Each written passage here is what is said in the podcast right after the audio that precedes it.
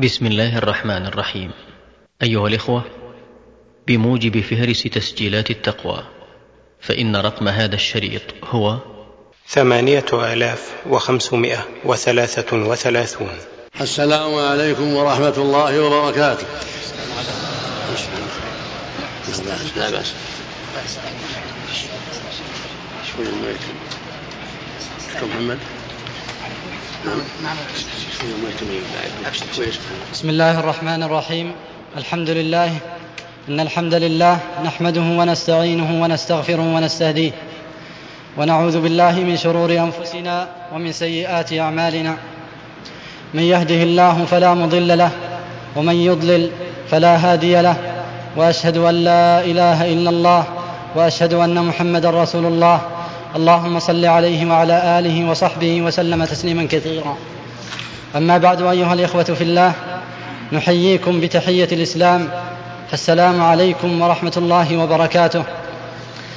أيها الإخوة في الله نحييكم في بداية أسبوعنا الثقافي الثاني الذي نسأل الله تعالى أن يكلل جهود القائمين عليه بالنجاح والتوفيق وخير ما نستهل به لقاءنا هذا آي من الذكر الحكيم يرتلها على مسامعكم الطالب محمد بن سعد الماجد. أعوذ بالله من الشيطان الرجيم. إن الذين قالوا ربنا الله ثم استقاموا تتنزل عليهم الملائكة ألا تخافوا ولا تحزنوا وأبشروا بالجنة التي كنتم توعدون. نحن أولياؤكم في الحياة الدنيا وفي الآخرة ولكم فيها ما تشتهي أنفسكم ولكم فيها ما تدعون. نزلا من غفور رحيم. ومن أحسن قولا ممن دعا إلى الله وعمل صالحا وقال إنني من المسلمين. ولا تستوي الحسنة ولا السيئة. ادفع بالتي هي أحسن. فإذا الذي بينك وبينه عداوة كأنه ولي حميم. وما يلقاها إلا الذين صبروا. وما يلقاها الا ذو حظ عظيم واما ينزغنك من الشيطان نزغ فاستعذ بالله فاستعذ بالله انه هو السميع العليم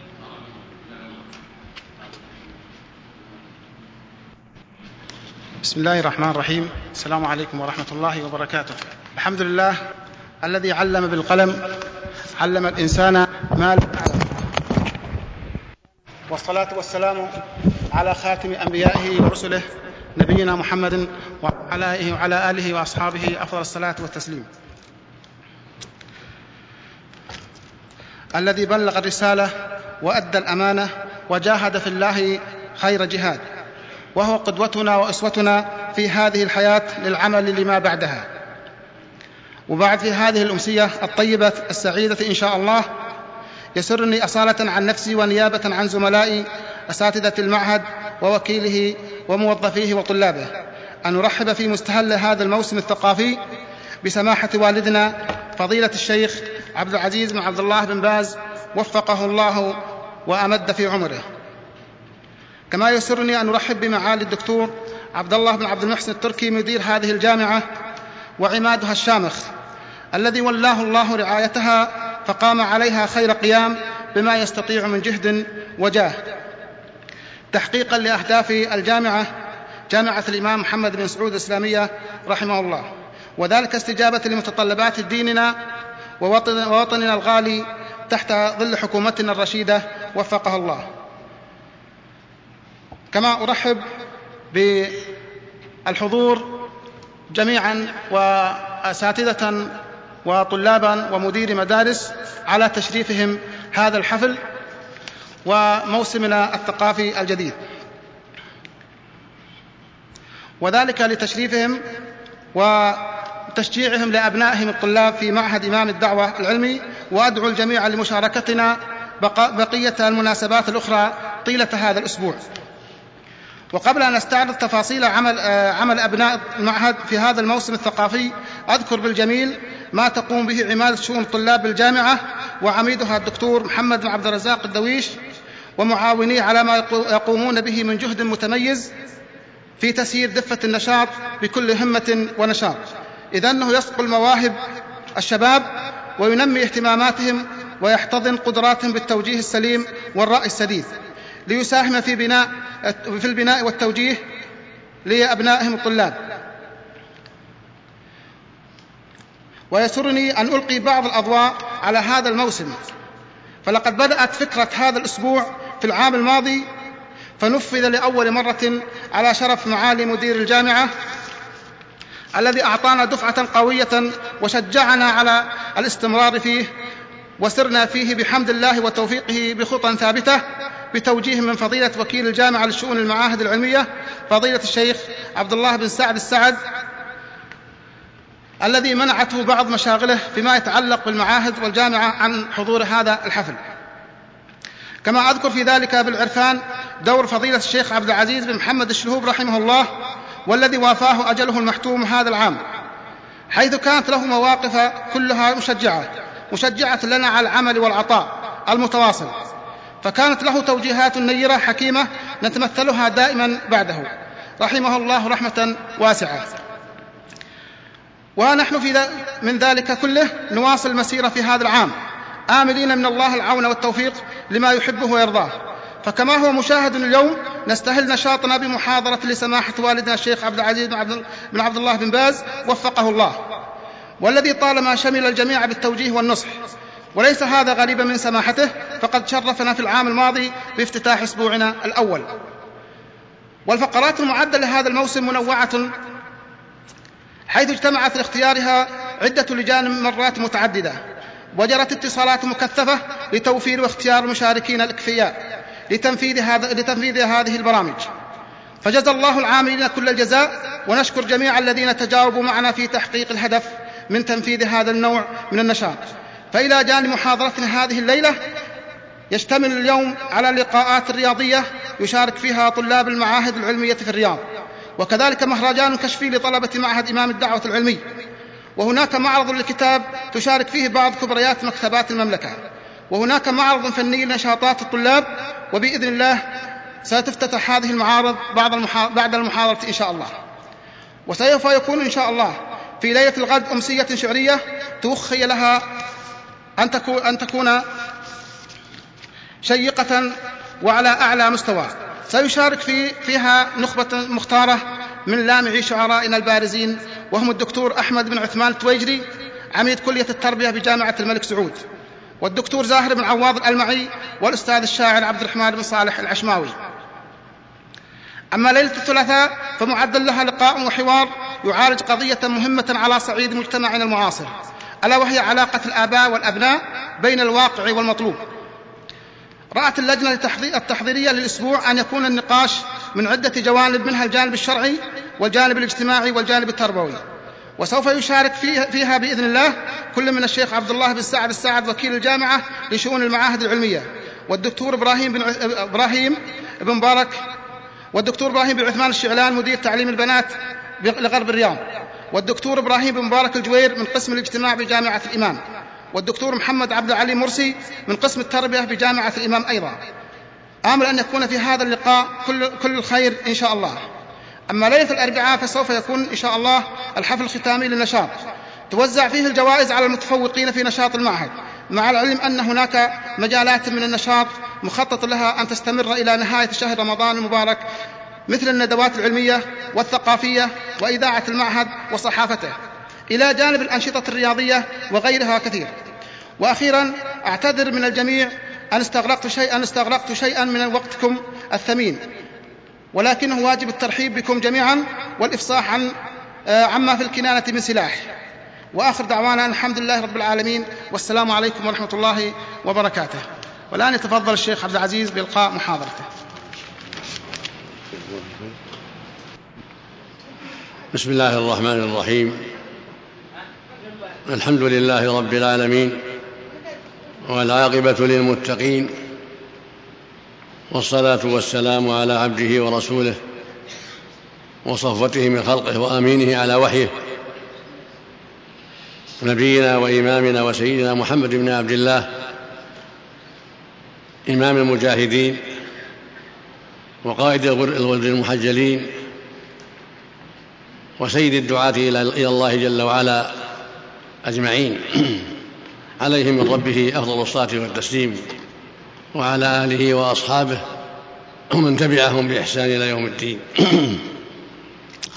أما بعد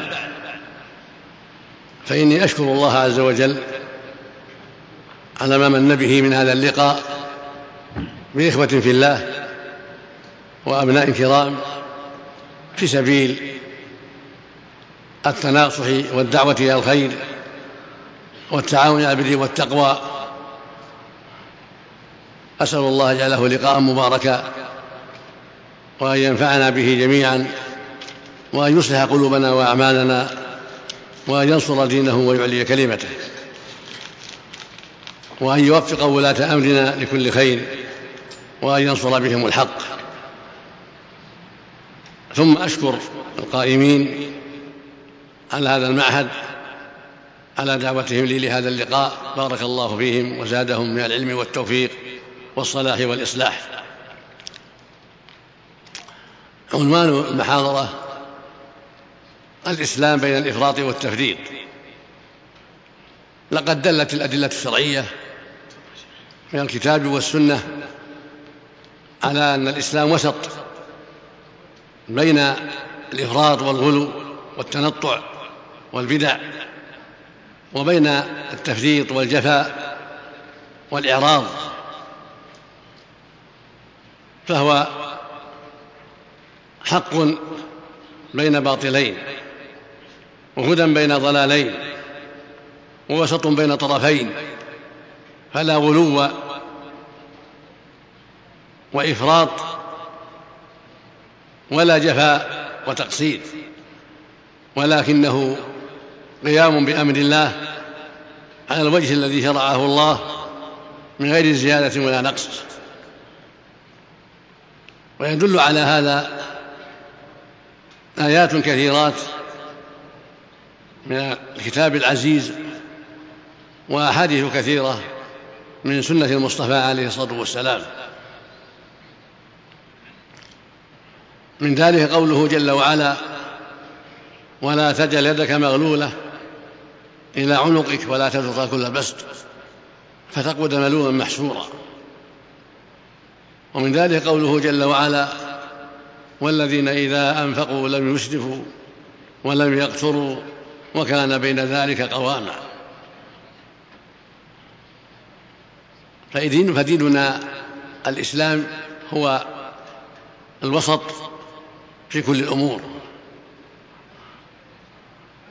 وقد نهى الله جل وعلا عن الغلو والبدع. قال تعالى يا أهل الكتاب لا تغلوا في دينكم. والغلو هو الزيادة والابتداع والتنطع. قال تعالى قل يا أهل الكتاب لا تغلوا في غير الحق ولا تتبعوا أهواء قوم قد ضلوا من قبل وأضلوا كثيرا وضلوا عن سواء السبيل. وقال جل وعلا أم لهم شركاء شرعوا لهم من الدين ما لم يأذن به الله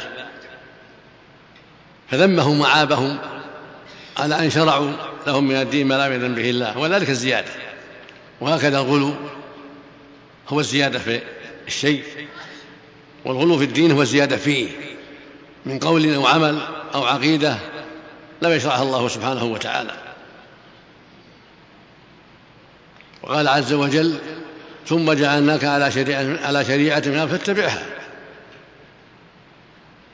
فأمره الله يلزم الشريعة ويتبعها. وقال تعالى اليوم أكملت لكم دينكم وأتممت عليكم نعمتي ورضيت لكم الإسلام دينا. فالإسلام الذي رضيه الله سبحانه وأكمله للأمة لا يجوز لأحد أن يزيد فيه فيكون غاليا مفرطا متنطعا كما أنه لا يجوز له أن ينقص منه فيكون فيكون جافيا معرضا مقصرا. بل يجب أن يلزمه ويستقيم عليه قولا وعملا وعقيده على الوجه الذي شرعه الله ودل عليه كتابه الكريم وسنة رسوله الأمين عليه من ربه أفضل الصلاة والتسليم.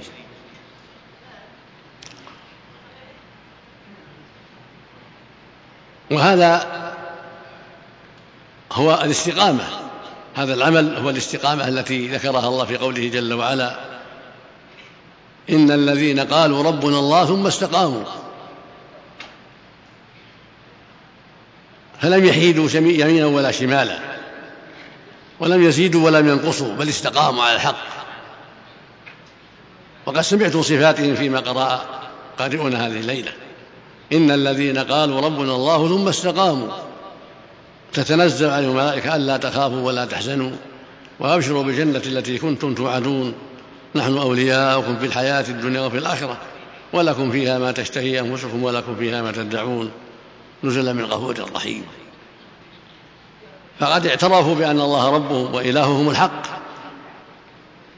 ثم استقاموا على ذلك بالإخلاص له.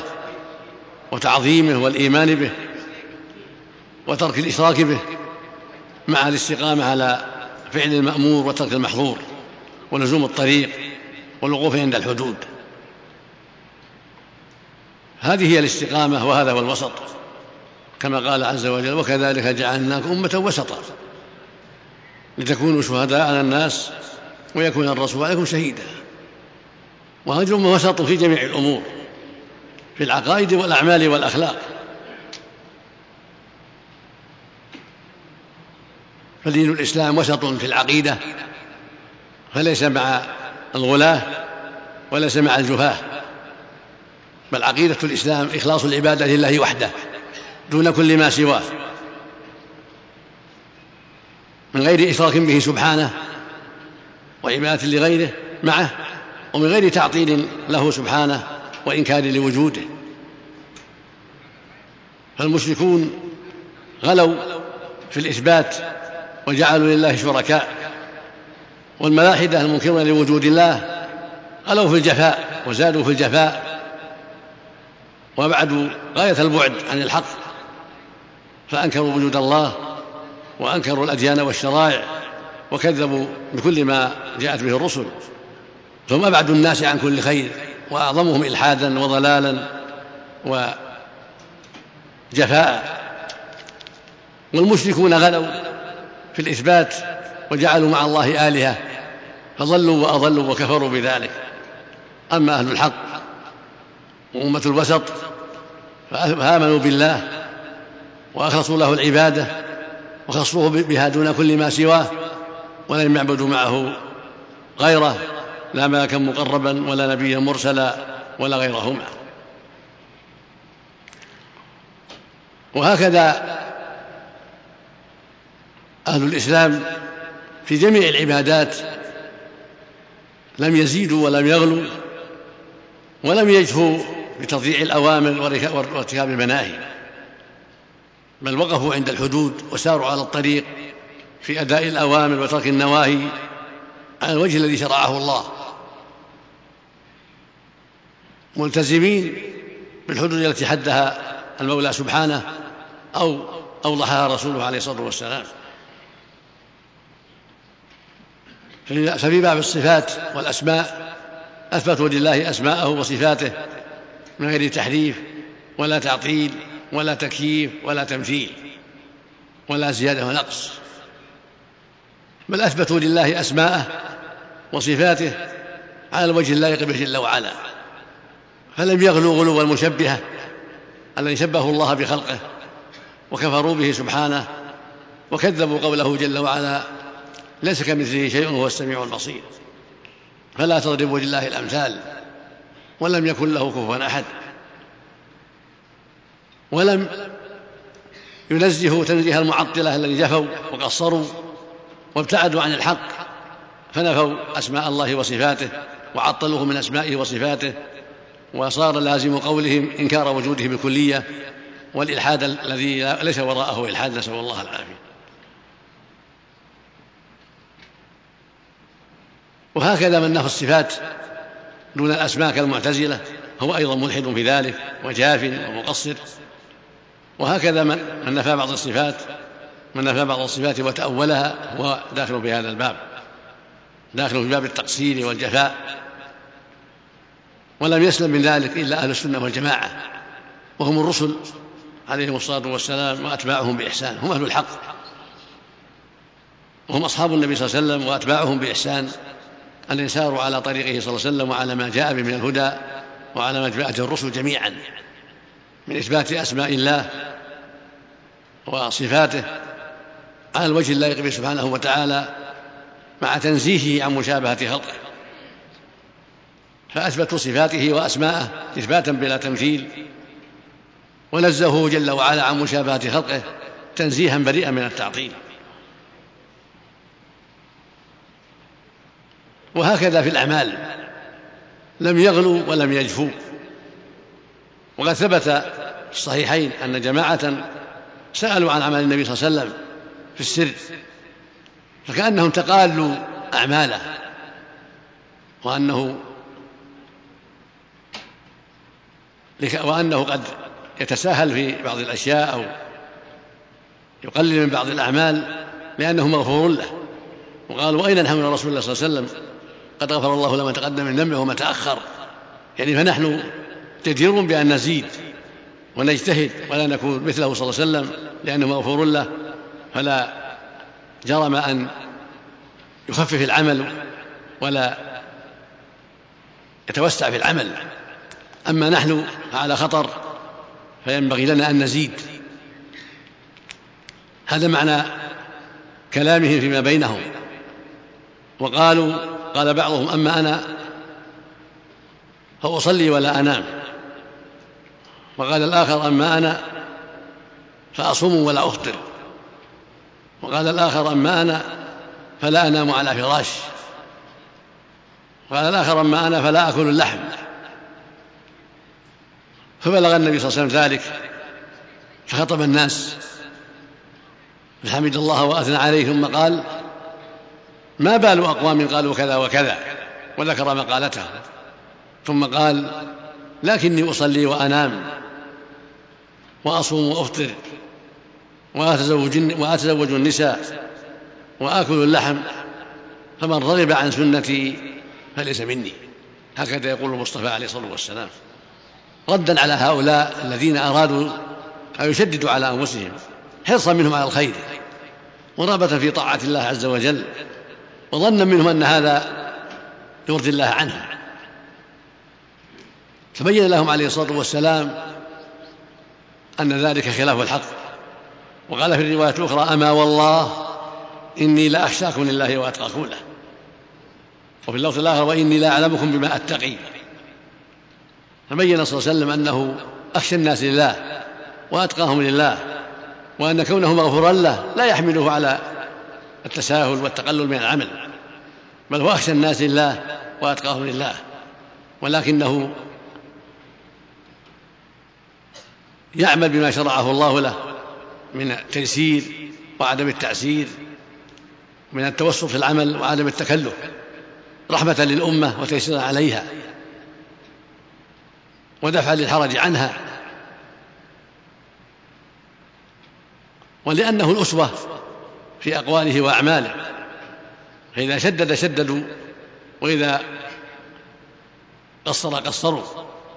والله قد حماه من ذلك وعصمه من التقصير فيما شرع الله له وفيما يبلغه عن ربه عز وجل. قد أجمع العلماء جميعا على أن الرسل معصومون. في كل ما يبلغونه عن الله من قول وعمل وتشريع. فبين عليه الصلاة والسلام أن دين الله وسط لا مع الجفاة ولا مع الغلاة ولكن بين ذلك.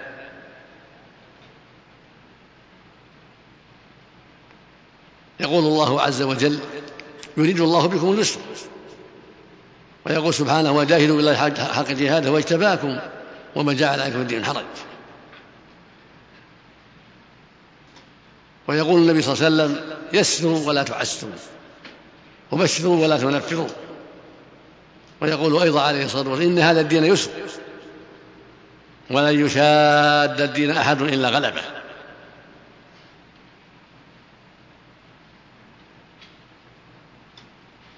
فينبغي للمؤمن أن يتقيد بشرع الله وأن يقبل رحمته سبحانه وفضله وتيسيره وأن يحذر الغلو والتشديد الذي يضره ويضر غيره. ومن هذا قوله صلى الله عليه وسلم لا تطروني كما أطرت النصارى ابن مريم إنما أنا عبد. فقولوا عبد الله ورسوله أخرجه البخاري في الصحيح.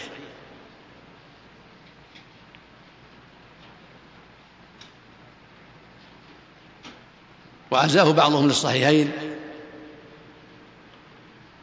ولكن بعد التحقيق لم يتضح تخريج مسلم له رحمه الله. وهو يدل على النهي عن الإطراء وهو الزيادة في المدح وذلك من الغلو. فمدحه صلى الله عليه وسلم بما لا ينبغي وما ليس من صفاته يكون من الإطراء كأن يقال إنه يعلم الغيب. أو أنه يجوز يدعى من دون الله وأنه يرضى بذلك أو ما أشبه ذلك.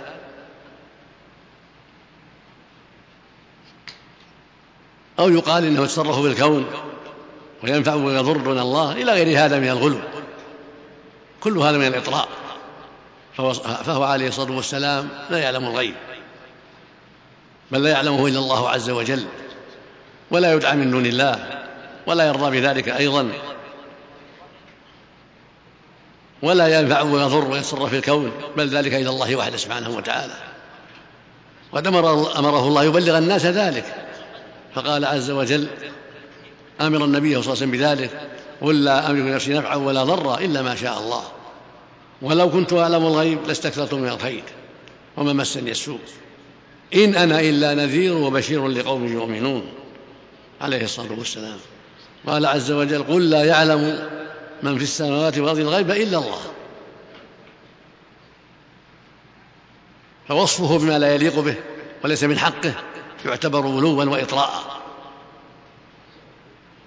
وهذا وهكذا دعاؤه من دون الله كطلبه المدد والغوث وشفاء المرضى كل هذا من الشرك بالله ومن الإطراء والغلو المنكر بل من الشرك الأكبر.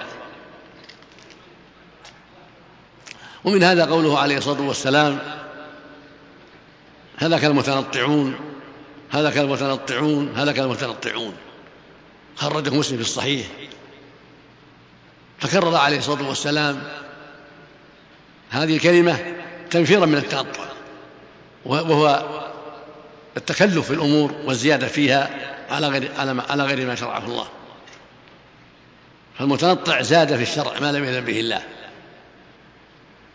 فالتنطع التكلف والزيادة والابتداع في شرع الله ما لم يأذن به الله سبحانه وتعالى. ومن هذا الحديث المشروع عن ابن عباس رضي الله تعالى عنهما عن النبي صلى الله عليه وسلم عن النبي صلى الله عليه وسلم قال إياكم والغلو في الدين فإنما أهلك من كان قبلهم الغلو في الدين. خرجه الإمام أحمد بن ماجه وجماعة بإسناد صحيح. فهذا من التحذير من الزيادة والإفراط في دين الله. وهو مطابق لقوله عز وجل لا تغلوا في دينكم. وكل ما جاء في البدع والتحذير منها هو من هذا الباب. كله من الغلو. كما في قوله صلى الله عليه وسلم من أحدث في أمرنا هذا ما ليس فهو رد. من عمل عمل شاء فهو رد. وهكذا قوله صلى الله عليه وسلم في خطبة الجمعة. أما بعد فإن خير الحديث كتاب الله وخير الهدي هدي محمد صلى الله عليه وسلم وشر الأمور محدثاتها وكل بدعة ضلالة. خرجه الإمام مسلم في صحيح زاد النسائي وكل ضلالة في النار. والأحاديث في هذا الباب كثيرة تدل على تحذير من البدع والزيادة في الدين وأن ذلك من الغلو الذي حرمه الله سبحانه وتعالى. قد هلكت بنو إسرائيل بهذا. زادوا في دينهم اليهود والنصارى وابتدعوا في دينهم ما لم يعلم به الله حتى التبس دينهم واختلط حقه بباطله بسبب غلوهم وزياداتهم. فلا يجوز لنا أن نعمل عملهم ولا أن نسير سيرتهم فيما بدلوا وغيروا وأحدثوا.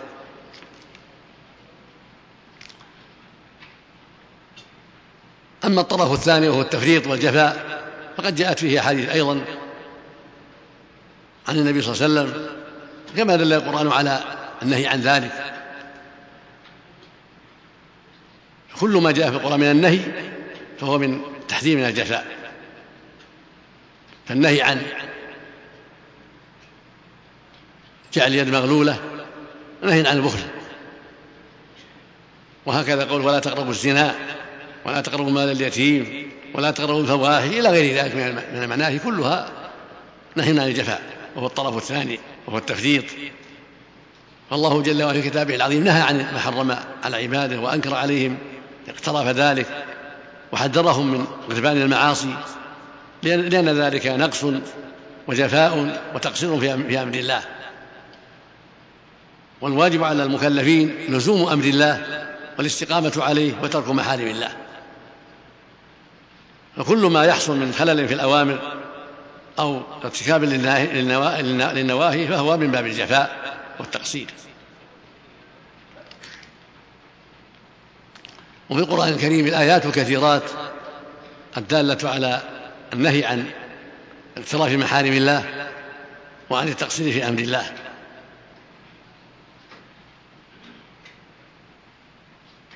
ومن ذلك ما في الحديث الصحيح متفق عليه يقول صلى الله عليه وسلم لا يزني الزاني حين يزني وهو مؤمن ولا يسرق السارق حين يسرق وهو مؤمن ولا يشرب الخمر حين يشربها وهو مؤمن الحديث. هذا تحذير من الجفاء تحذير من الزنا والفواحش وأن الإيمان الصحيح الإيمان الكامل يمنع ذلك.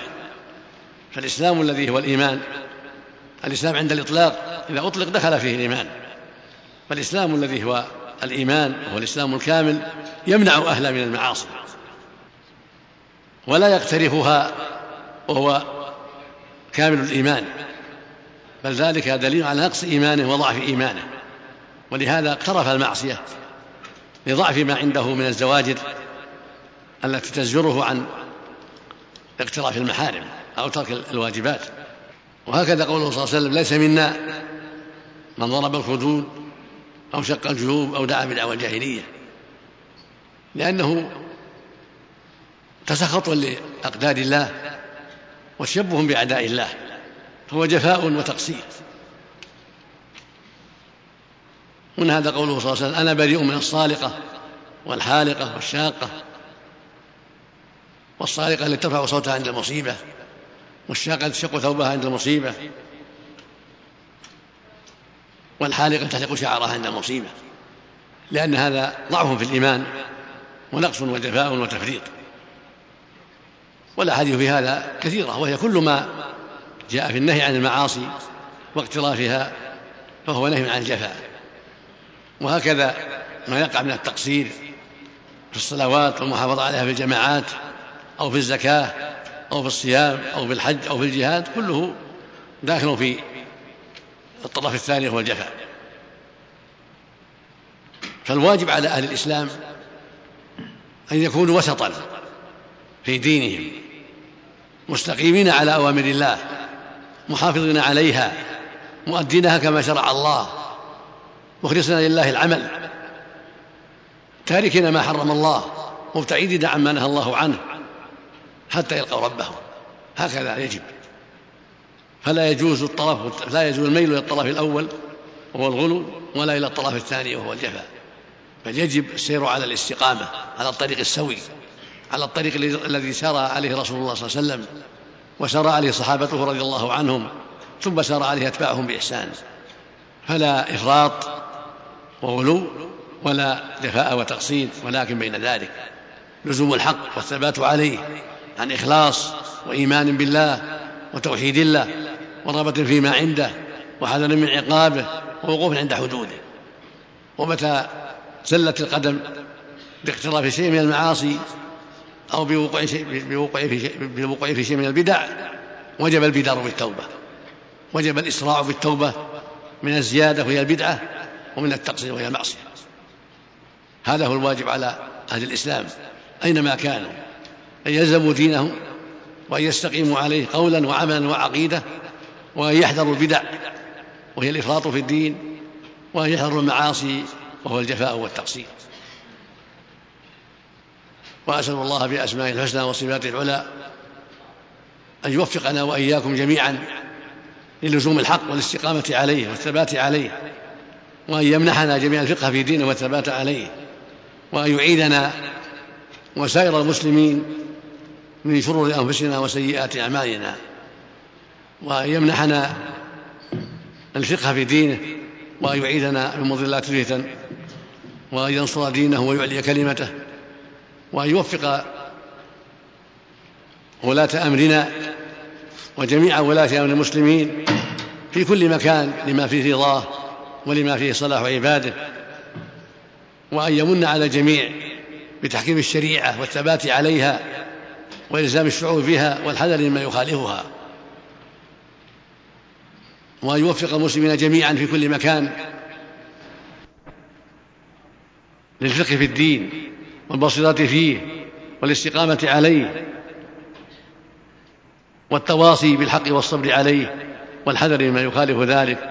إنه ولي ذلك والقادر عليه وصلى الله وسلم على نبينا محمد وعلى آله وأصحابه وأتباعه بإحسان. جزاكم الله خيرا. فضيلة الشيخ. نستأذنكم في إلقاء بعض الأسئلة الواردة من الإخوان الحاضرين. لا بأس. السؤال الأول سماحة الشيخ الكثير من الشباب يشغل نفسه بدقائق الأمور وجزئيات المسائل وقد نجده مفرطا في أمور أخرى.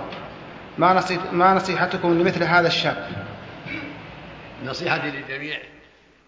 العناية بالمهمات بل العناية بأهم الأمور قبل المهمات وأن يكون هدف الطالب البصيرة في دينه لا سيما ما يتعلق بالعقيدة والعناية بها والحرص على أن يكون في غاية البصيرة بعقيدته من الكتاب والسنة. وأن يعرف ما عليه أهل السنة والجماعة حتى يلزم ذلك ويستقيم عليه ثم العناية بمعرفة ما أوجب الله عليه. وما حرم الله عليه قبل المستحبات حتى يكون على بينة فيما أوجب الله وفيما حرم الله.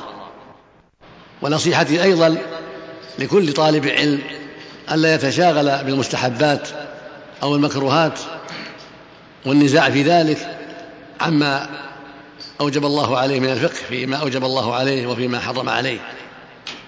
فليعتني بالمهمات وما هو أقرب وألصق بالعقيدة.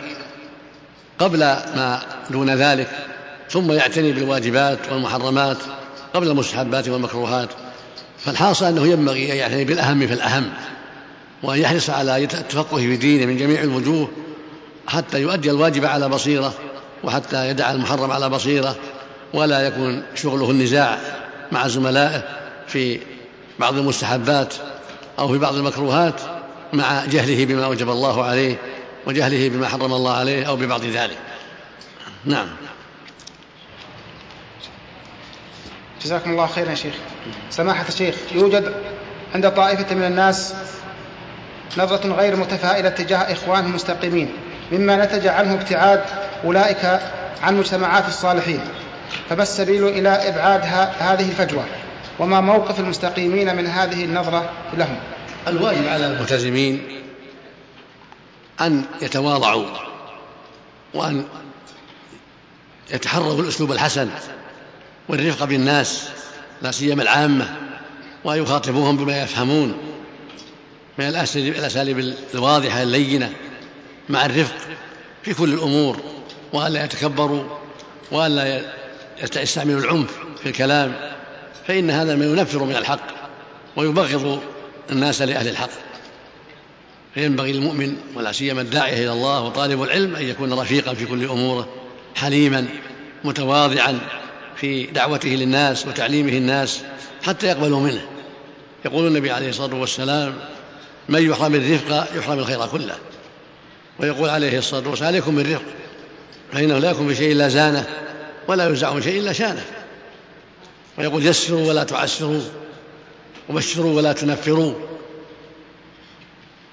فالتعاظم من الملتزم والتكبر على الناس لأنه هداه الله ووفقه لشيء جهلوه هذا من أسباب حرمانه من أسباب عدم توفيقه من أسباب ضلاله بعد الهدى. فالواجب, فالواجب التواضع لله وعدم التكبر على عباد الله وأن يكون في نصيحته وتعليمه وإرشاده متواضعا حليما رفيقا يخاطب الناس بما يعرفون. ويخاطبهم بالأساليب الحسنة اللينة الطيبة. هذا هو الذي ينبغي حتى لا ينفر عنه إخوانه وحتى لا يكرهوا موعظته وحتى لا يتباعدوا عن قربه رزق الله الجميع التوفيق. نعم. فضيلة الشيخ ينظر بعض الشباب الملتزم إلى إخوانه ممن يلاحظ عليهم ارتكاب بعض المعاصي الظاهرة نظرة فيها كثر كثير من الجفاء والبعد عن الحكمة في التوجيه والدعوة إلى الله بأسلوب, بأسلوب الداعية الحكيم. فما توجيهكم لهؤلاء أثابكم الله.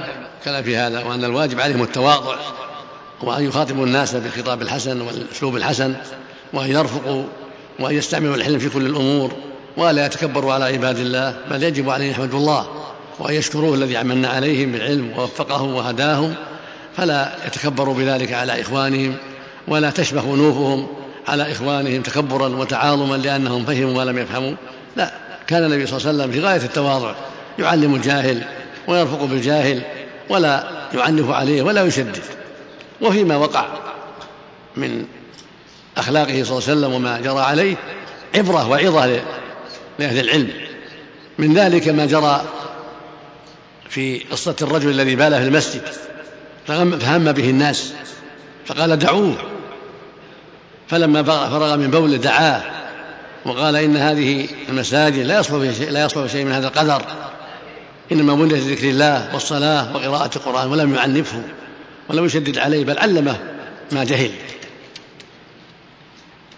ومن ذلك قصة الأعرابي الذي جذبه برداءه حتى أثر في صفة عنقه.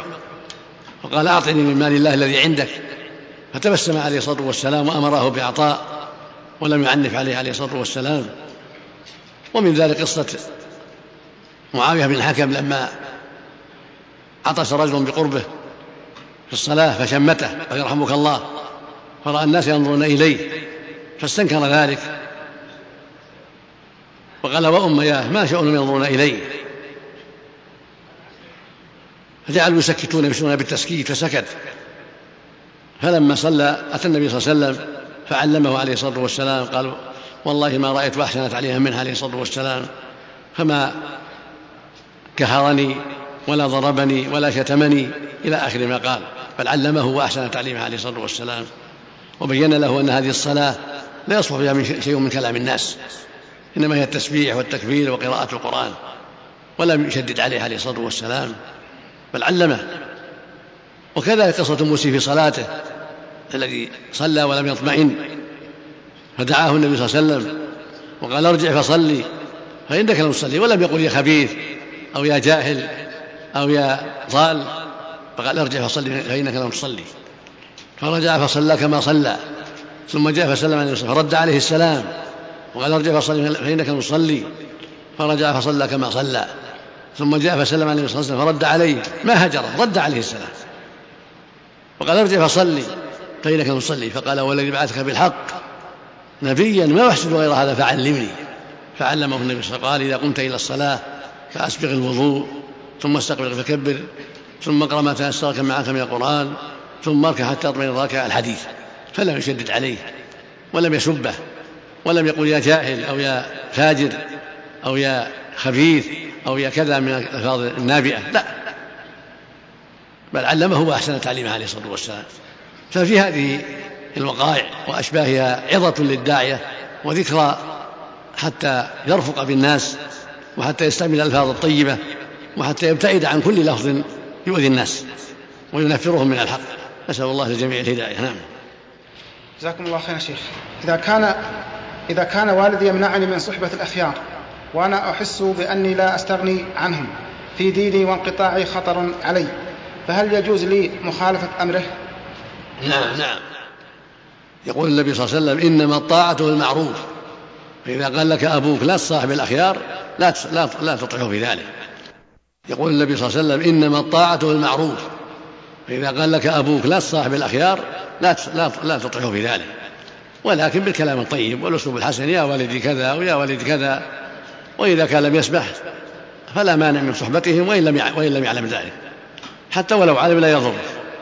يقول النبي صلى الله عليه وسلم إنما الطاعة في المعروف لكن مع هذا تجتهد في حسن الصحبة والكلام الطيب مع الوالد والأسلوب الحسن والرفق.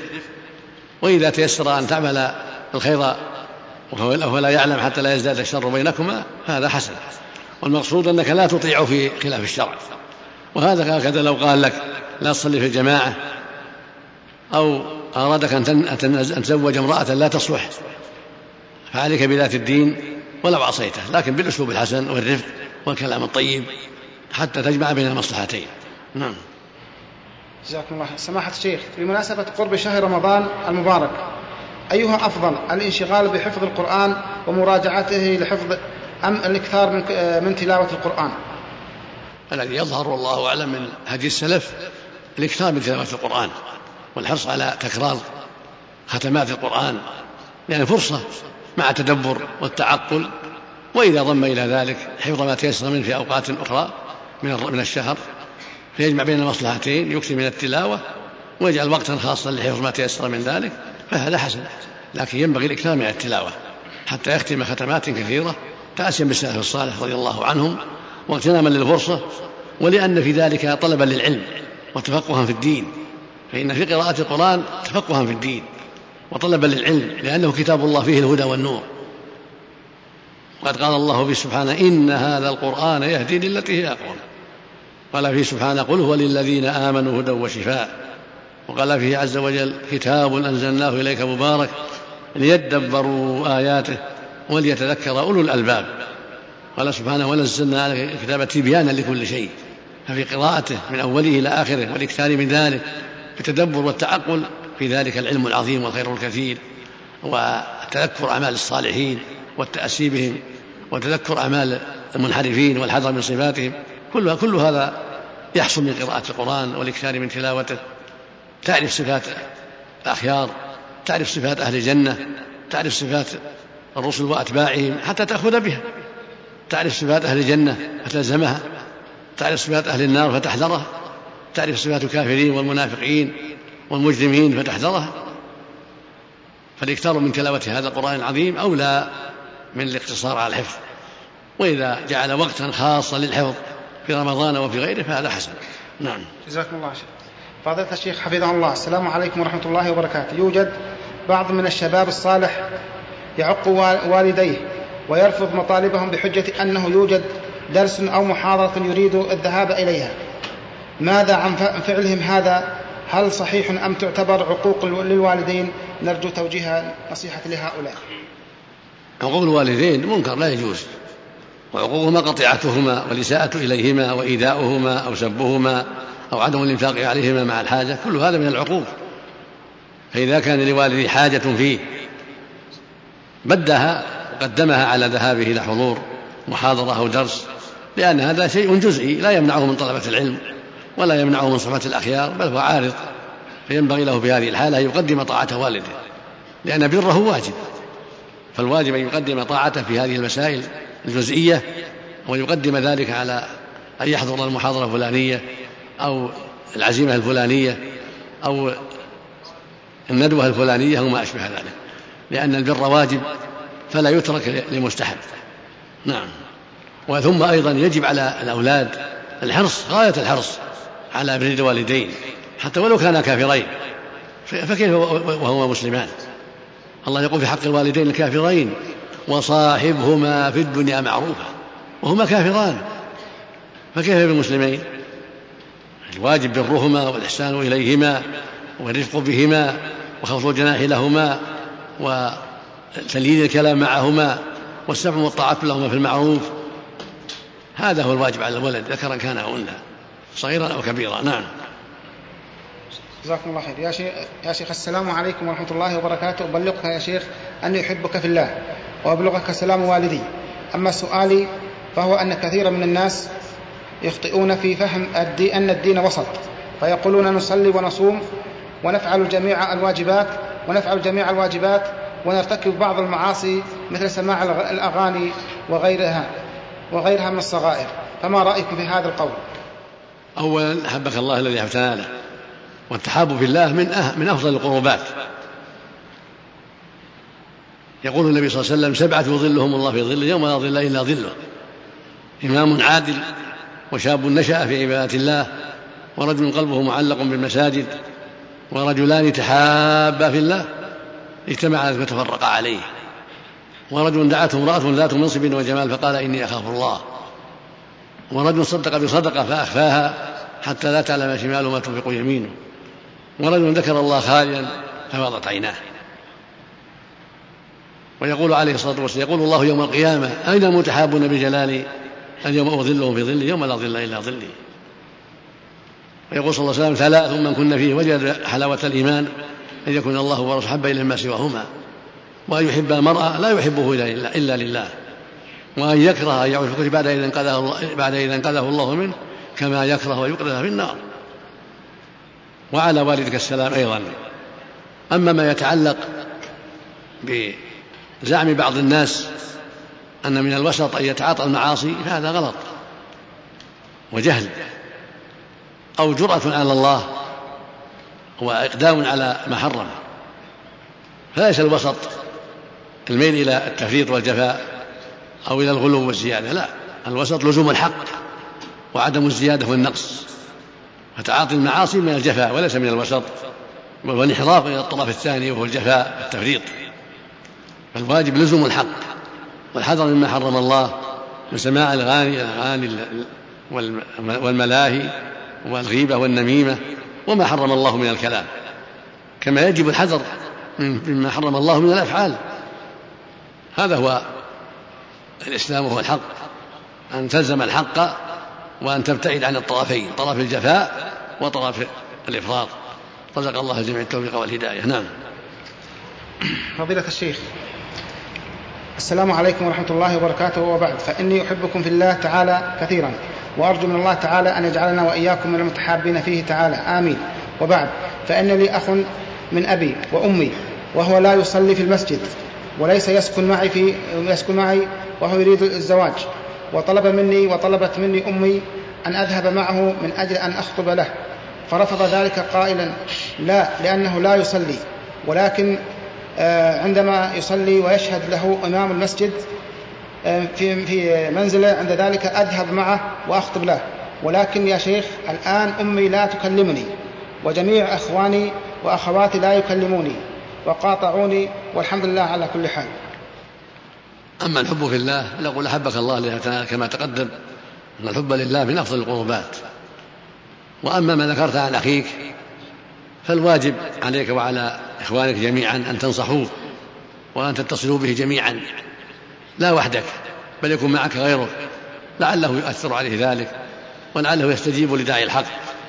لأنك إذا كنت وحدك قد لا يبالي ولا سيما إذا كان أكبر منك. فالمقصود أن ينبغي أن تتابع النصيحة وأن يكون معك غيرك من إخوانك الطيبين أو من جيرانك. لعله يقبل منكم فيصلي ويحافظ على صلاة الجماعة. ثم تنفذ رغبة أمك وإخوانك في مساعدته والذهاب معه إلى الجهة التي يخطب منها بعدما يهديه الله لهذا الأمر ويقبل منكم ويصلي. أما إذا أصر على عدم الصلاة فلا تذهب معه بل اهجره حتى يتوب إلى الله وحتى يرجع إلى الصواب والحق. ولو غضبت أمك ولو غضب إخوانك لأن الذي لا يصلي كافر. في أصح قولي العلماء من ترك الصلاة وتعمد تركها كفر. كما قال النبي صلى الله عليه وسلم في الحديث الصحيح العهد الذي بيننا وبينهم الصلاة فمن تركها فقد كفر. وقال عليه الصلاة والسلام بين الرجل وبين الكفر والشرك ترك الصلاة. في أحاديث أخرى كثيرة تدل على ذلك. أما ترك الصلاة في الجماعة فهذا أسهل. وقد يكون له شبهة لأن بعض العلماء لا يرى وجوهها في الجماعة. فهذا أسهل فينبغي لك أن تتصل به مع إخوانك وأن تجتهد في صلاته في الجماعة إذا كان يصلي لكن لا يصلي في الجماعة. هذا أسهل. فعليك أن تتصل به مع إخوانك ومع طيبين من جيرانك ومن يساعدك في هذا. لعل الله يهديه بأسبابك حتى تجمع بين المصالح كلها بين رضا أمك وإخوانك وبين هداية هداية الله على يديك وعلى يد إخوانك الذين يصحبونك في دعوته إلى الله عز وجل. رزق الله الجميع التوفيق والهداية. نعم. سماحة الشيخ أفيدونا أثابكم الله. من المعلوم أن ديننا وسط ولكن الإفراط في بعض المسائل فهل معنى هذا معنى هذا التوسع في الفتيا أو التمسك بسد الذرائع والتوسع في الفتيا والاقتصار على النصوص؟ هذا مقام عظيم مقام تفصيل. فالواجب عدم التوسع في الفتيا والواجب على المؤمن أن يخاف الله ويراقبه. وأن لا يفتي إلا عن بصيرة مع النص عرفة. وإذا لم يكن هناك نص فلا بد من اجتهاد عند الضرورة وتحري للحق إذا كان من أهله إذا كان عنده علم بالنصوص من الكتاب والسنة والقواعد الشرعية. فلا بد يتحرى الحق عند الضرورة ويجتهد في الإفتاء عند الضرورة. كان الصحابة رضي الله عنهم وأرضاهم يتدافعون الفتوى بينهم حرصا منهم على السلامة وحذرا من خطر الفتوى. فينبغي للمؤمن ألا يكون حريصا على الفتوى ولا سريعا في الفتوى. وإذا رأى من هو أفضل منه أحال إليه لأنه أقرب إلى الصواب منه كما فعل الصحابة رضي الله عنهم وأرضاهم. وينبغي للمفتي ألا يتوسع في الفتوى وأن يحرص على تحري الحق بالدليل. وأن يفتي على مقتضى الدليل حسب الطاقة والإمكان إرشادا للأمة وتوضيحا للحق. وإذا كان في المقام إشكال توقف ولم يفتي حتى يحقق الأمر وحتى يتضح له وجه الصواب. وإن كان من أعلم الناس. الصحابة أعلم الناس بعد الأنبياء وكانوا يتوقفون في مسائل كثيرة ويحيل بعضهم على بعض حذرا من خطر الفتوى. وهكذا الأئمة بعدهم رضي الله عنهم ورحمهم. نعم. شكر الله لكم فضيلة الشيخ. الآن يتفضل معالي مدير الجامعة بإلقاء كلمة في هذه المناسبة.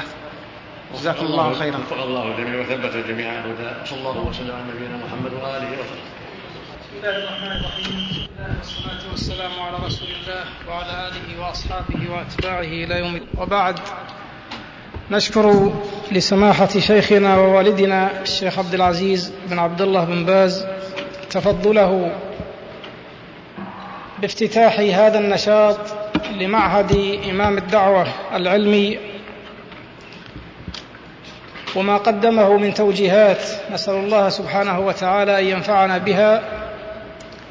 كما نشكر للإخوة في المعهد في معهد إمام الدعوة العلمي نشاطهم واهتمامهم بهذه الأنشطة التي ينتفع بها ومنها الطلاب كما ينتفع المجتمع.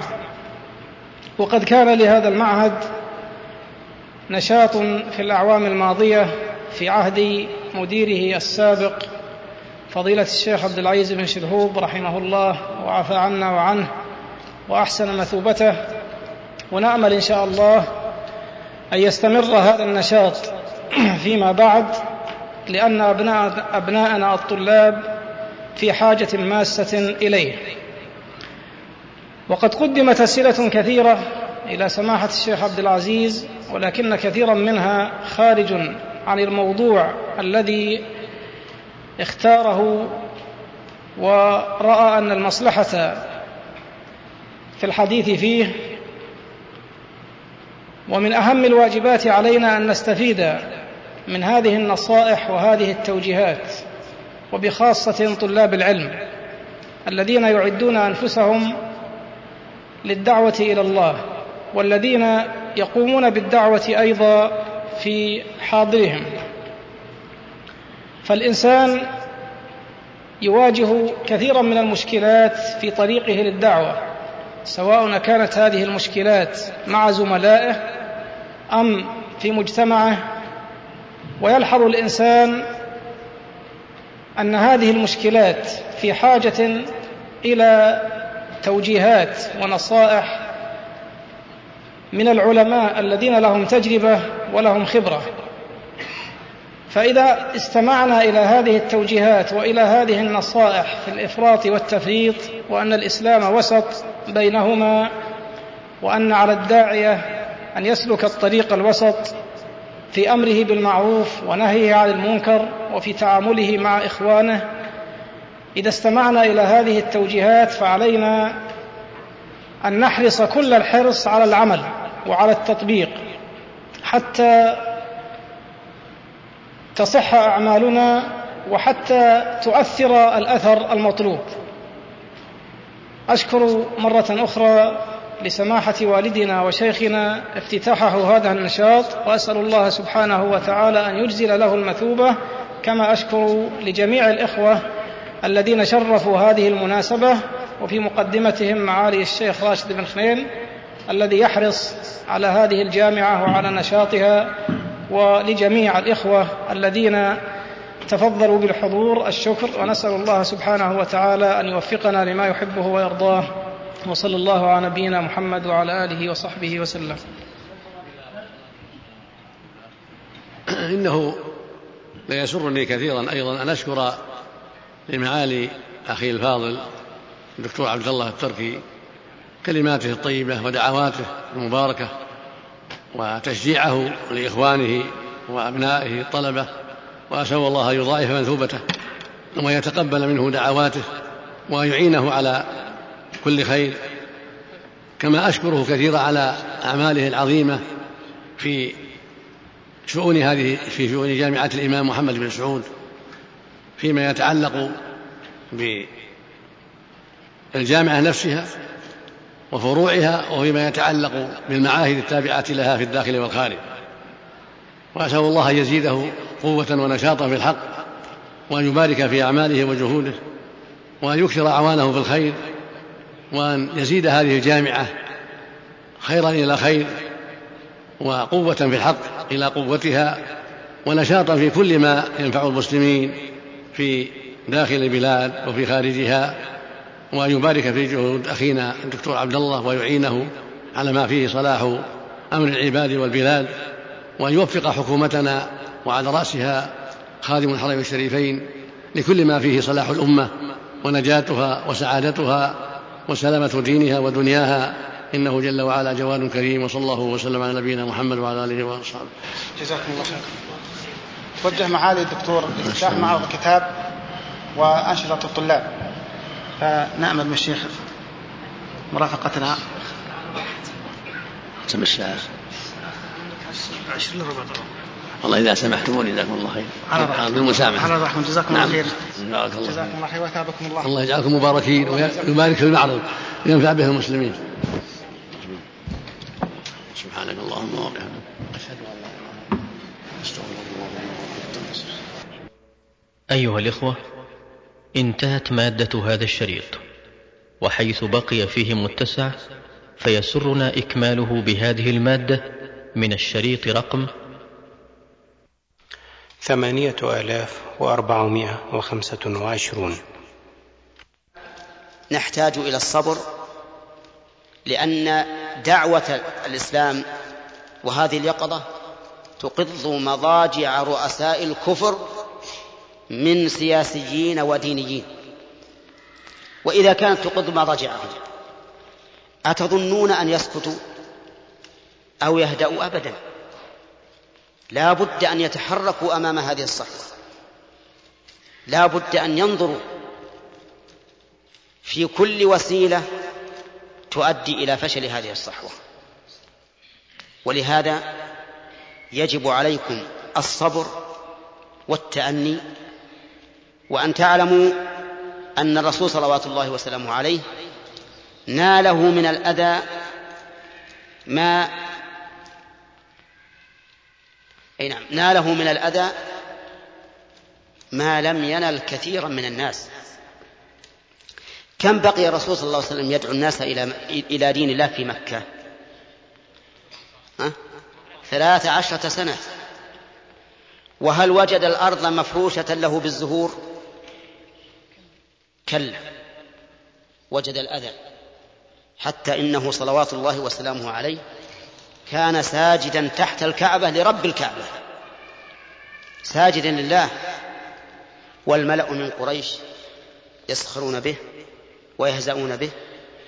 فقال أشقاهم اذهبوا إلى جزور بني فلان وأتوا بسلاها فرثها ودمها فأتوا به. ووضعوه على ظهر النبي صلى الله عليه وسلم وهو ساجد لله تحت الكعبة. والله لو كان جلفا من أجلاف العرب فعل مثل هذا الفعل ما فعلت قريش به هكذا. لكن لأنه رسول الله فعلوا به هذا. وهل ثناه هذا عن دعوته؟ أجيبوا. أبدا. ما ثناه عن دعوته.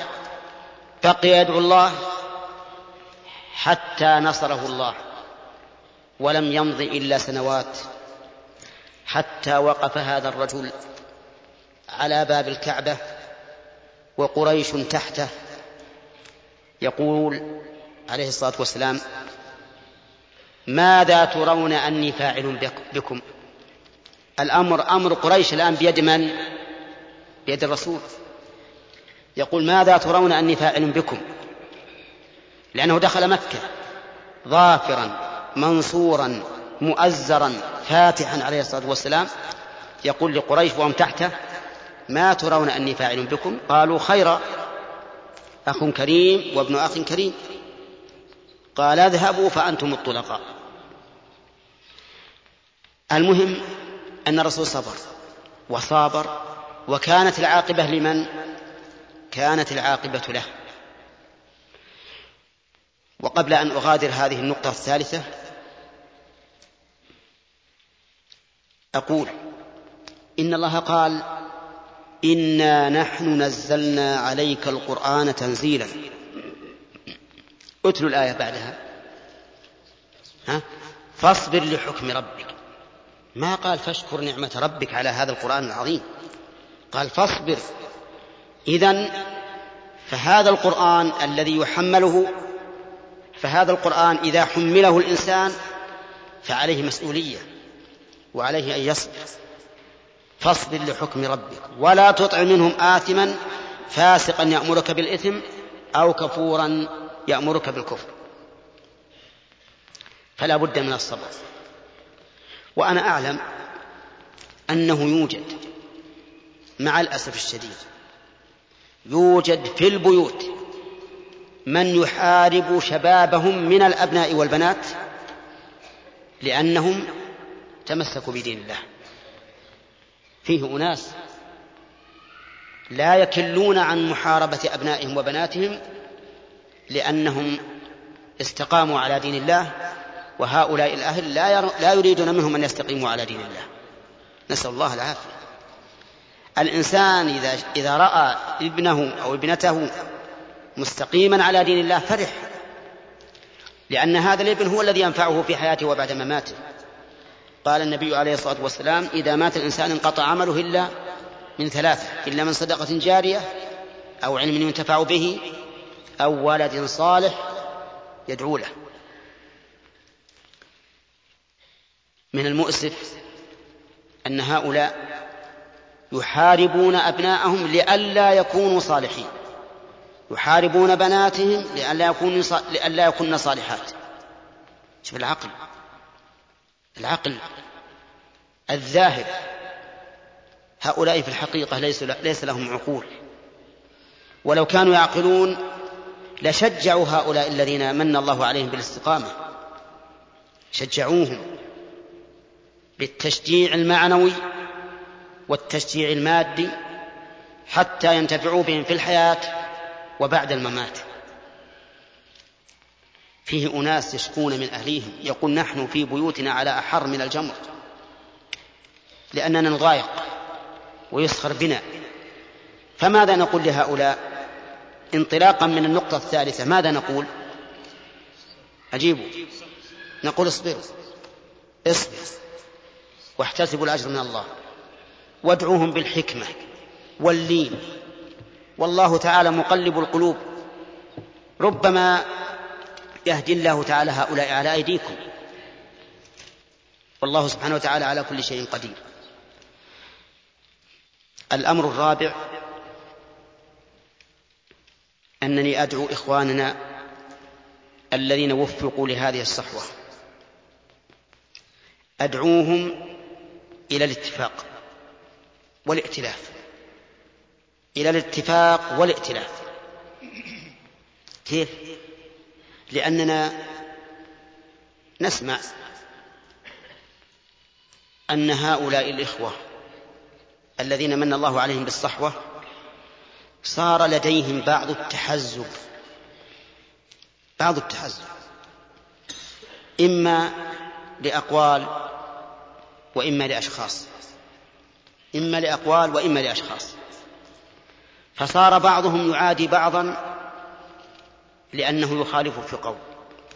بعضهم يعادي بعضا لأنه يطلب العلم على شيخ لا يرضاه أو ما أشبه ذلك. هذا في الحقيقة يا إخواني بارك الله فيكم. والله يمزق الوحدة يمزق الصحوة يفتتها وأعداء هذه الصحوة من الكفار والمنافقين لا يريدون إلا هذا. لا يريدون إلا هذا. أن تتفرق هذه الجماعات وتتوزع وحينئذ لا يكون لهم قائمة. والتفرق في الحقيقة ليس مخلا بالجماعة ككل بل مخل حتى في الدين. استمع. قال الله لرسوله صلى الله عليه وسلم إن الذين فرقوا دينهم وكانوا شيعا لست منهم في شيء. شوف لست منهم في شيء. الله سبحانه وتعالى برأ رسوله منهم. قال لست منهم في شيء. إنما أمرهم إلى الله ثم ينبئهم بما كانوا يفعلون. وقال تعالى ولا تكونوا كالذين تفرقوا واختلفوا من بعد ما جاءهم البينات وأولئك لهم عذاب عظيم. وقال عز وجل ولا تنازعوا فتفشلوا وتذهب ريحكم واصبروا إن الله مع الصابرين. هذه النقطة مع الأسف وجدت بين الطوائف التي التي تنتسب لهذه الصحوة. وصار بعضهم يضلل بعضا ويبدعه ويفسقه وربما يصل به الأمر إلى أن يكفره والعياذ بالله. وهذا خطأ عظيم. الخلاف فيما يسوغ فيه الاجتهاد موجود من عصر الصحابة رضي الله عنهم. من عصر الصحابة وهو موجود. وفي عهد النبي صلى الله عليه وسلم أيضا موجود مع الصحابة. ولا يخفى على كثير منكم أن رسول الله صلى الله عليه وسلم لما رجع من غزوة الأحزاب أتاه جبريل وأمره أن أن يخرج إلى اليهود من بني قريظة الذين نقضوا العهد. فندب أصحابه وقال لهم لا يصلين أحد منكم العصر إلا في بني قريظة. لا يصلين أحد العصر إلا في بني قريظة. خرجوا من المدينة إلى بني قريظة. دخل وقت العصر. فاختلف الصحابة. قال بعضهم لا نصلي حتى نصل بني قريظة ولو غربت الشمس. وقال آخرون بل نصلي قبل أن تغرب الشمس ما دام الوقت معنا. فصلى طائفة وأخر الطائفة حتى وصلت بني قريظة. هذا اختلاف ولا لا؟ اختلاف. ولما قدموا إلى النبي عليه الصلاة والسلام ولما علم النبي صلى الله عليه وسلم بذلك لم يعنف هؤلاء ولا هؤلاء. وهم أيضا لم تحمل قلوب بعضهم على بعض حقدا ولا بغضاء ولا عداوة. لأن هذا الاختلاف صدر عن اجتهاد وتحري الحق. وإني أقول لكم من هذا المكان كل اختلاف يعلم به أو يعلم فيه حسن نية المختلف على الآخر فالحقيقة أنه لا اختلاف. الحقيقة أنه لا اختلاف. ما دام حسن النية موجودا فلا اختلاف. لماذا؟ لأنك أنت إنما خالفتني في هذا العمل. لأنك ترى أن أن مقتضى النصوص هو هذا العمل. أليس كذلك؟ وأنا خالفتك في هذا العمل لأنني أرى أن مقتضى النصوص هو هذا العمل الذي أنا عمل فهل اختلفنا في تحكيم الكتاب والسنة ولا ما اختلفنا؟ نعم لا لم نختلف. كلنا عمل هذا العمل لأنه يرى أنه مقتضى الكتاب والسنة وحينئذ فلا اختلاف بيننا. فلماذا تتفرق القلوب؟ لماذا يعادي بعضنا بعضا؟ لماذا لا نكون أمة واحدة أمام أعدائنا؟ لنا أعداء يتربصون بنا الدوائر بكل وسيلة. فلا بد أن نجتمع على كلمة الحق. كم هذه؟ أربعة؟ طيب الخامس.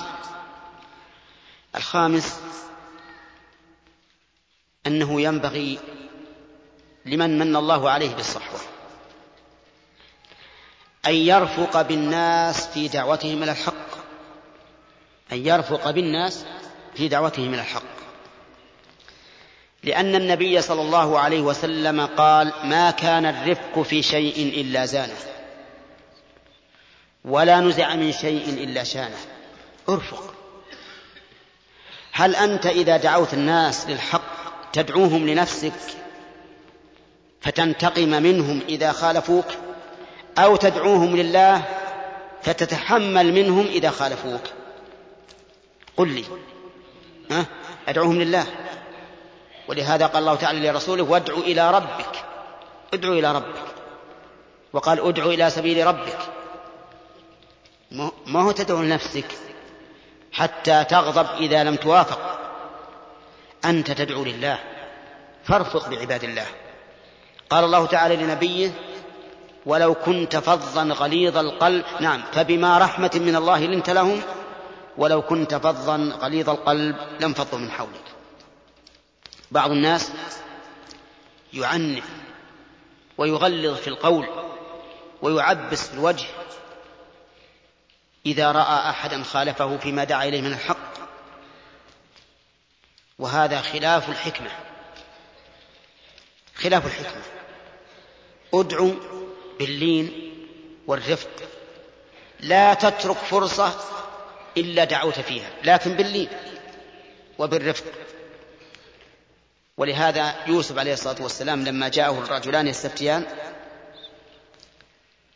ورأى أنهما في حاجة إليه بالفتوى بادر بدعوتهما إلى التوحيد.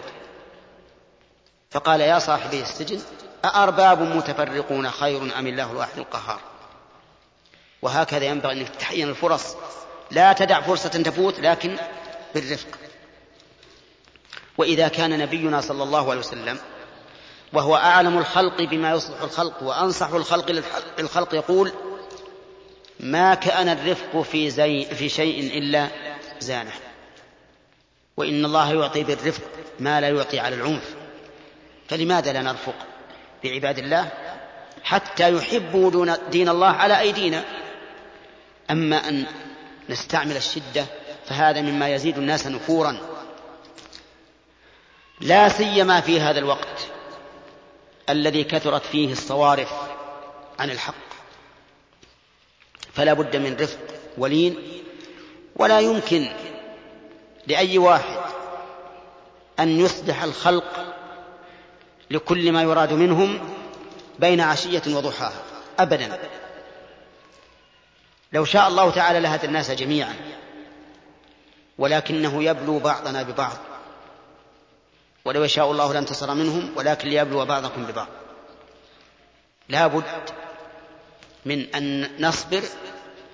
واعلم يا أخي أنك إذا قدر أن تموت قبل أن تنجح الدعوة التي كنت تدعو إليها فإن لك الأجر.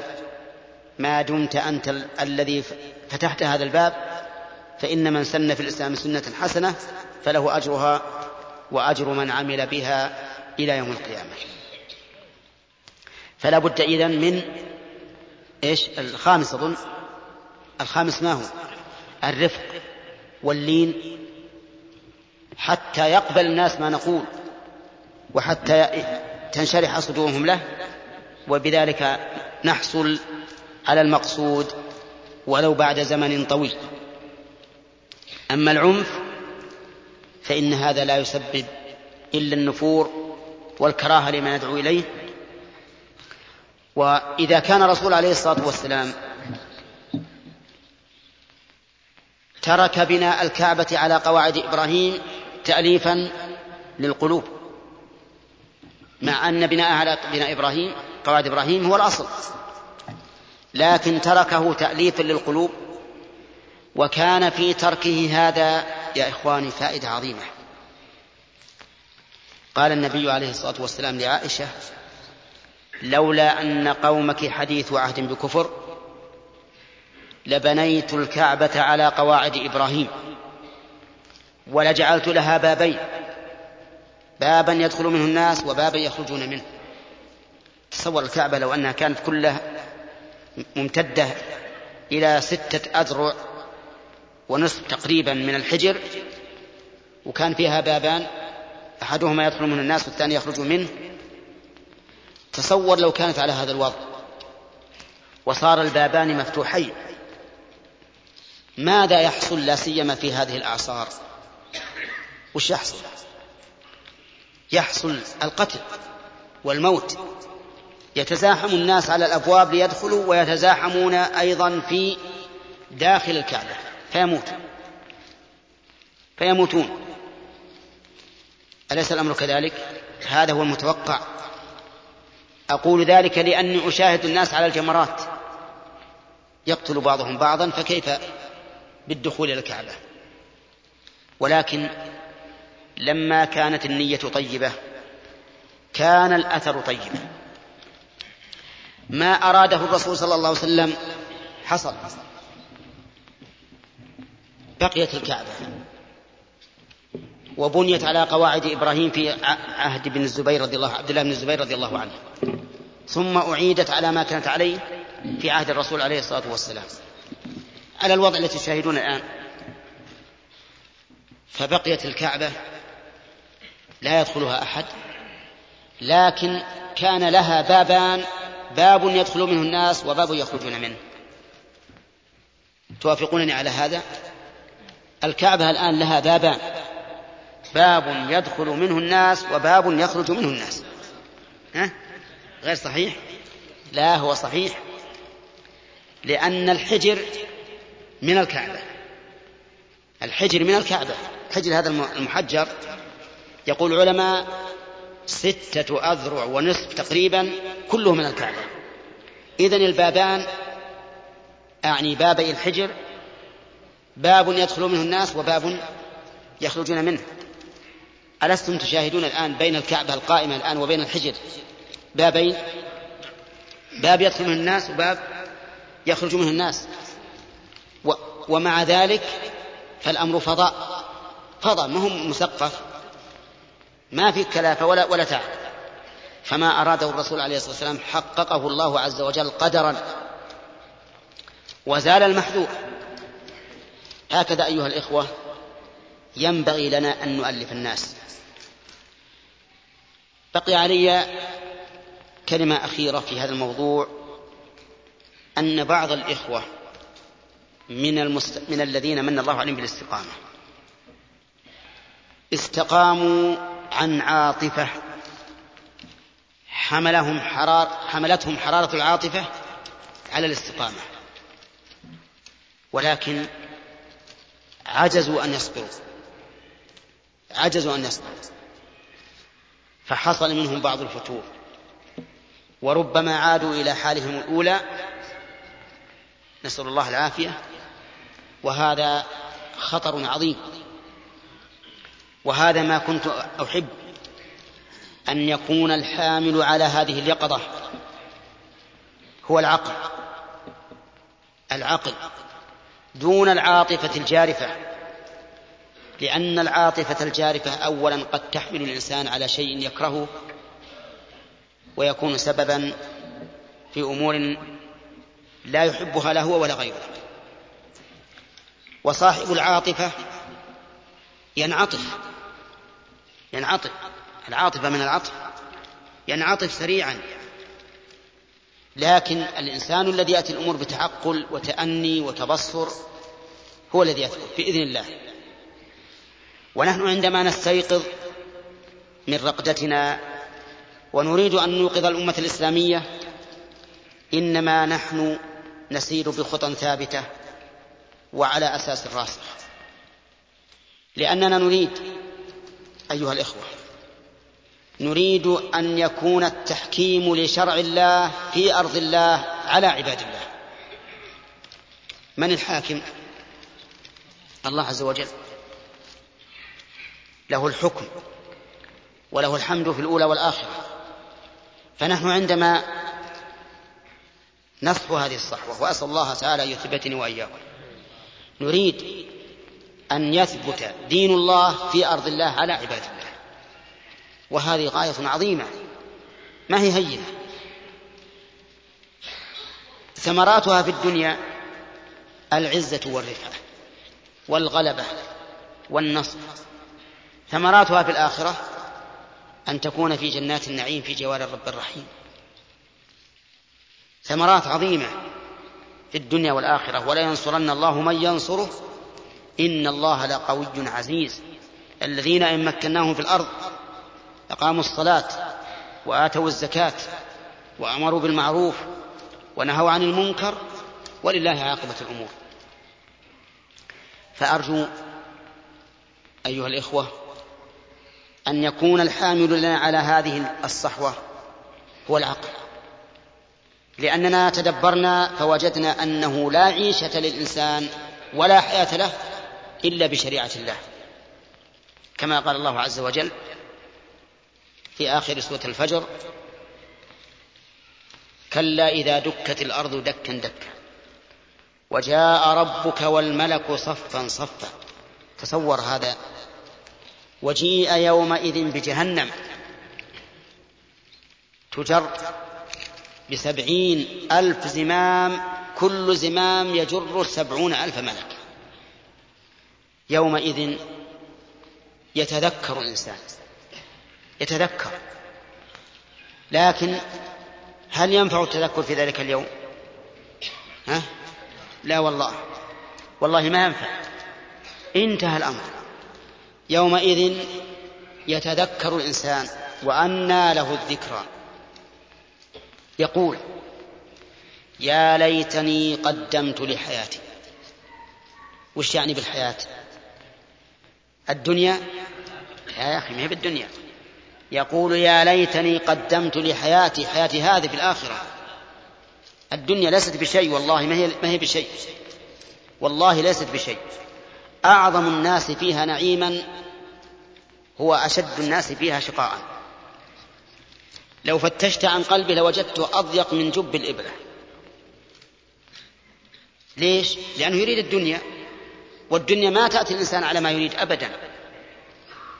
لو يختل في بيته صنبور الماء أتعرفون الصنبور؟ ما هو؟ البسبوس. طيب لو يختل ضاقت عليه الدنيا ليش ينكسر؟ ومتى وكيف؟ نبي نلقى بداله منين؟ راح يا ولد فتش في السوق يضيق صدره. لأن ما عنده إيمان. المؤمن أمره كله خير. إن أصابته ضراء صبر. أو سر شكر. فهو مستأنس دائما.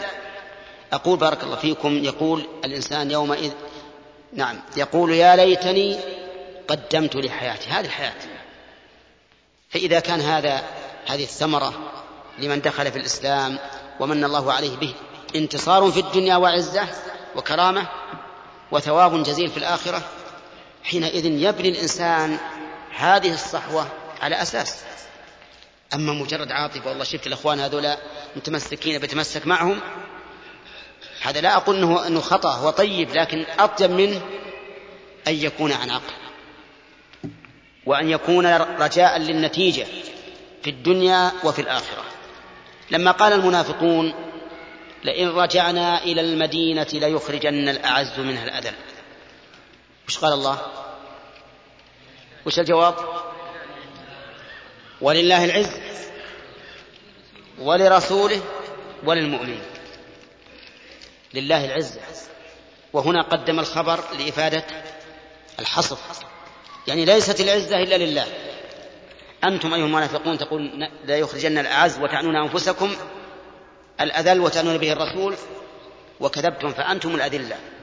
العزة لمن؟ لله ولرسوله وللمؤمنين ولكن المنافق لا يعلمون هذا ما أحببت أن أنبه عليه في هذه الصحوة المباركة التي أسأل الله لي ولإخواني فيها الثبات على الإسلام وحسن الدعوة إليه حتى يهدي الله على أيدينا من شاء من عباده.